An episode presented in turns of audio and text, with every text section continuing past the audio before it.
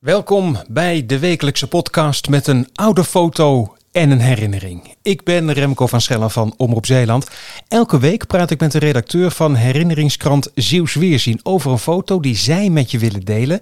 Kijk maar op zeeuwsweerzien.nl en naar de icoon bij deze podcast. Ali Pankov, hallo. Goedemorgen Remco. Heb jij zelf veel foto's?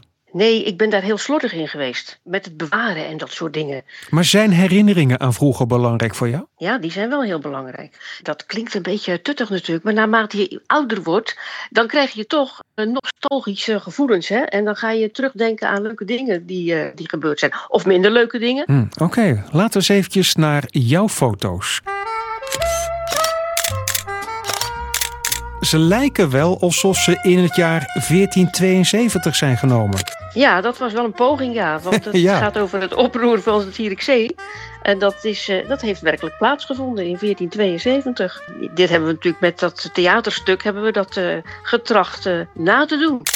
Dat oproer, wat was dat? Een oproer van de bevolking, die best heel arm was, een groot deel van de bevolking. Hertog Karel van Bourgondië, de heerser over de stad, die legde steeds hogere belastingen op. De druppel eh, die de emmer deed overlopen, dat was de, de enorme verhoging op de bierbelasting. Ach, Water kon je bijna niet drinken, want dat was veel te vies. Dus bier was ook gewoon belangrijk om wat te drinken te hebben. Ja, ineens schoot de vlam in de pan. Twee hoogwaardigheidsbekleders, die zijn ook vermoord toen. Die zijn uit het raam van de vierschaar gegooid. Dan jouw foto's, die zijn wat recenter. Eén kleurenfoto, één zwart-wit. Wat zie ik Ja. daar?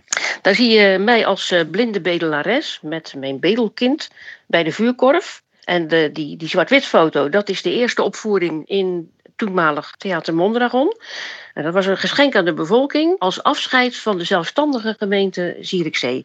En het bleef maar doorzinderen dat van, dat was dat toch leuk, wat was dat toch een...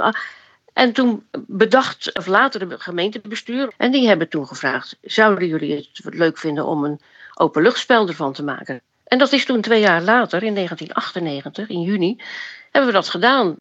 Vertel Ja. eens over dat Ja, ene moment. de première moest uitgesteld worden. Er zat onweer in de lucht en dat is heel gevaarlijk bij geluids- en, eh, en lichttechniek natuurlijk. Uiteindelijk trokken de buien toch weg. En ik speelde natuurlijk die blinde bedelares. En ik had zo'n zo'n zo'n starende blik omhoog. En ik zag dat de lucht mooi blauw werd. Ik denk, oh, dit gaat goed hoor. En het, het spel liep lekker. En ineens hoorde ik een kletterende eh, regenbui, dacht ik. Ik bedacht me ook helemaal niet van dat ik niet nat werd. Maar ik hoorde kletterende regen. Wat bleek nou? Er kwam ook een boerenkar met toneelspelers voortgetrokken door Belgische werkpaarden. En die ledigde zijn blaas heel spontaan op die oude stadskeien van Zierikzee. maar ja, als blinde bedelaars kan je niet eventjes omkijken wat er achter je rug gebeurt natuurlijk.